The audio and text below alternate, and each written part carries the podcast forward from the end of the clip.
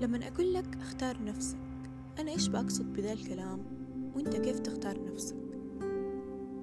عمرك لا تفكر تحرق نفسك عشان قلبك انحرق. ولما بقول لك تحرق نفسك فهذه كناية. لما تضطر تختار بينك وبين شخص دائما اختار نفسك. إحنا لما بنختار نساعد الناس اللي نحبها أحيانا بدون ما ننتبه بنفرط بنفسنا. بندمرها بدون أي إحساس مننا. كل إنسان ملزوم يختار نفسه. أنت ما أنت ملزوم تختار أحد. أنت تساعده إيه ولكن بحدود. اختار نفسك. اختار إنك تسعدها وترضيها. إنك تحبها وتحن وتطبطب عليها. اختار إنك تكون مستصح على إنك تساعد شخص بيغرق في تعاسته. هو اللي اختار حياته تكون كده. صح إنه الخيارات قدامنا لكن إحنا بنختار الطريق وبنمشي فيه بدون ما حد يفرضه علينا.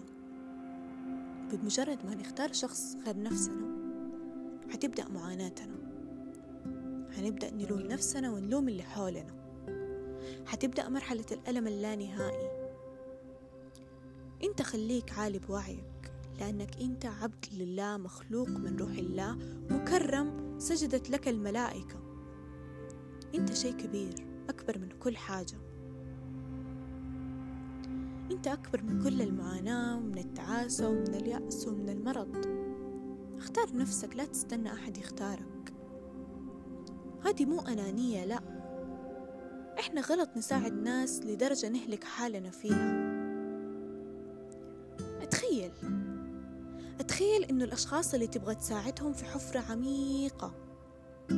تخيل نفسك واقف على حافة دي الحفرة. مد لهم يدك وسيبهم يختاروا. هل راح يمسكوا بيدك أو لا؟ مد يدك واكتفي عند هذا الحد.